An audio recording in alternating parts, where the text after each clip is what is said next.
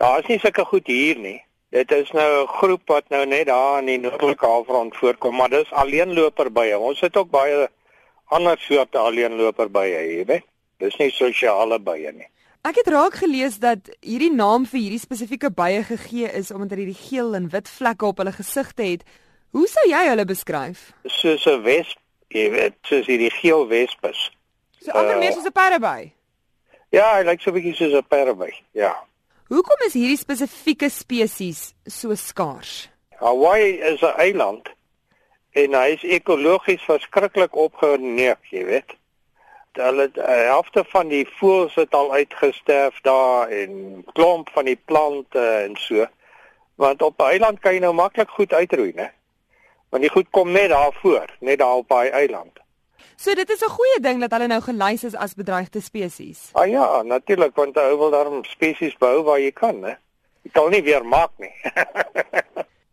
maar op 'n ernstiger noot, Dit is alom bekend dat sekere byspesies in Suid-Afrika se swermgetalle drasties aan die daal is.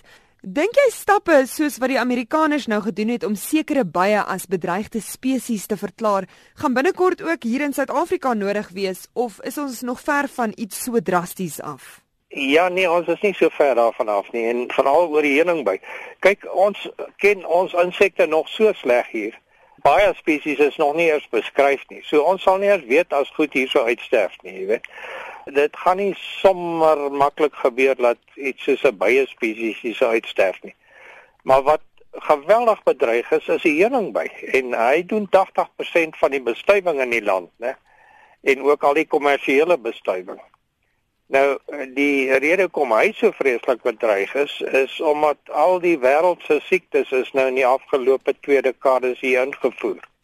Nou die baie boere sê vir my dis heeltemal standaard nou al dat 'n kwart van hulle swerms vrek elke jaar.